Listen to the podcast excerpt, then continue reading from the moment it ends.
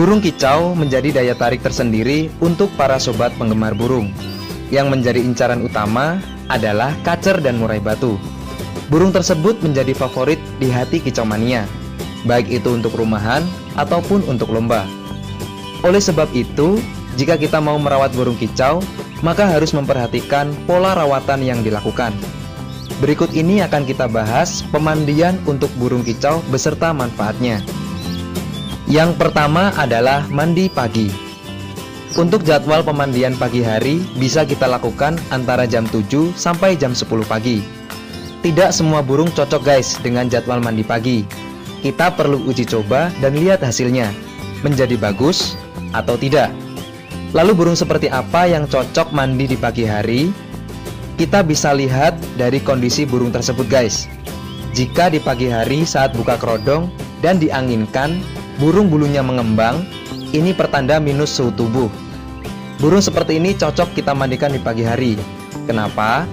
Karena setelah mandi pagi akan dilanjutkan dengan penjemuran, sehingga suhu tubuh burung tersebut menjadi normal kembali.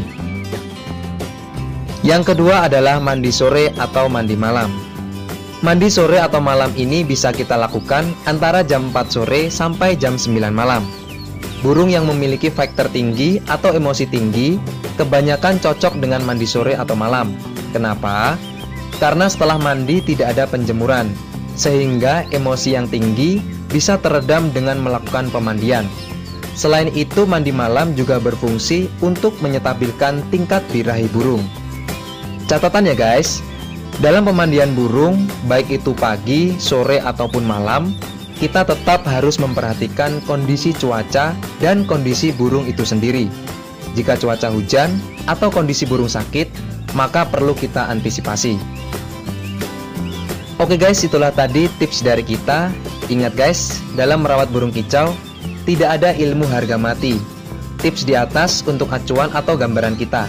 Selanjutnya, kita sebagai perawat yang lebih mengenal karakter jagoan kita. Buat burung sehat dan berikan rawatan terbaik. Semoga bermanfaat ya guys.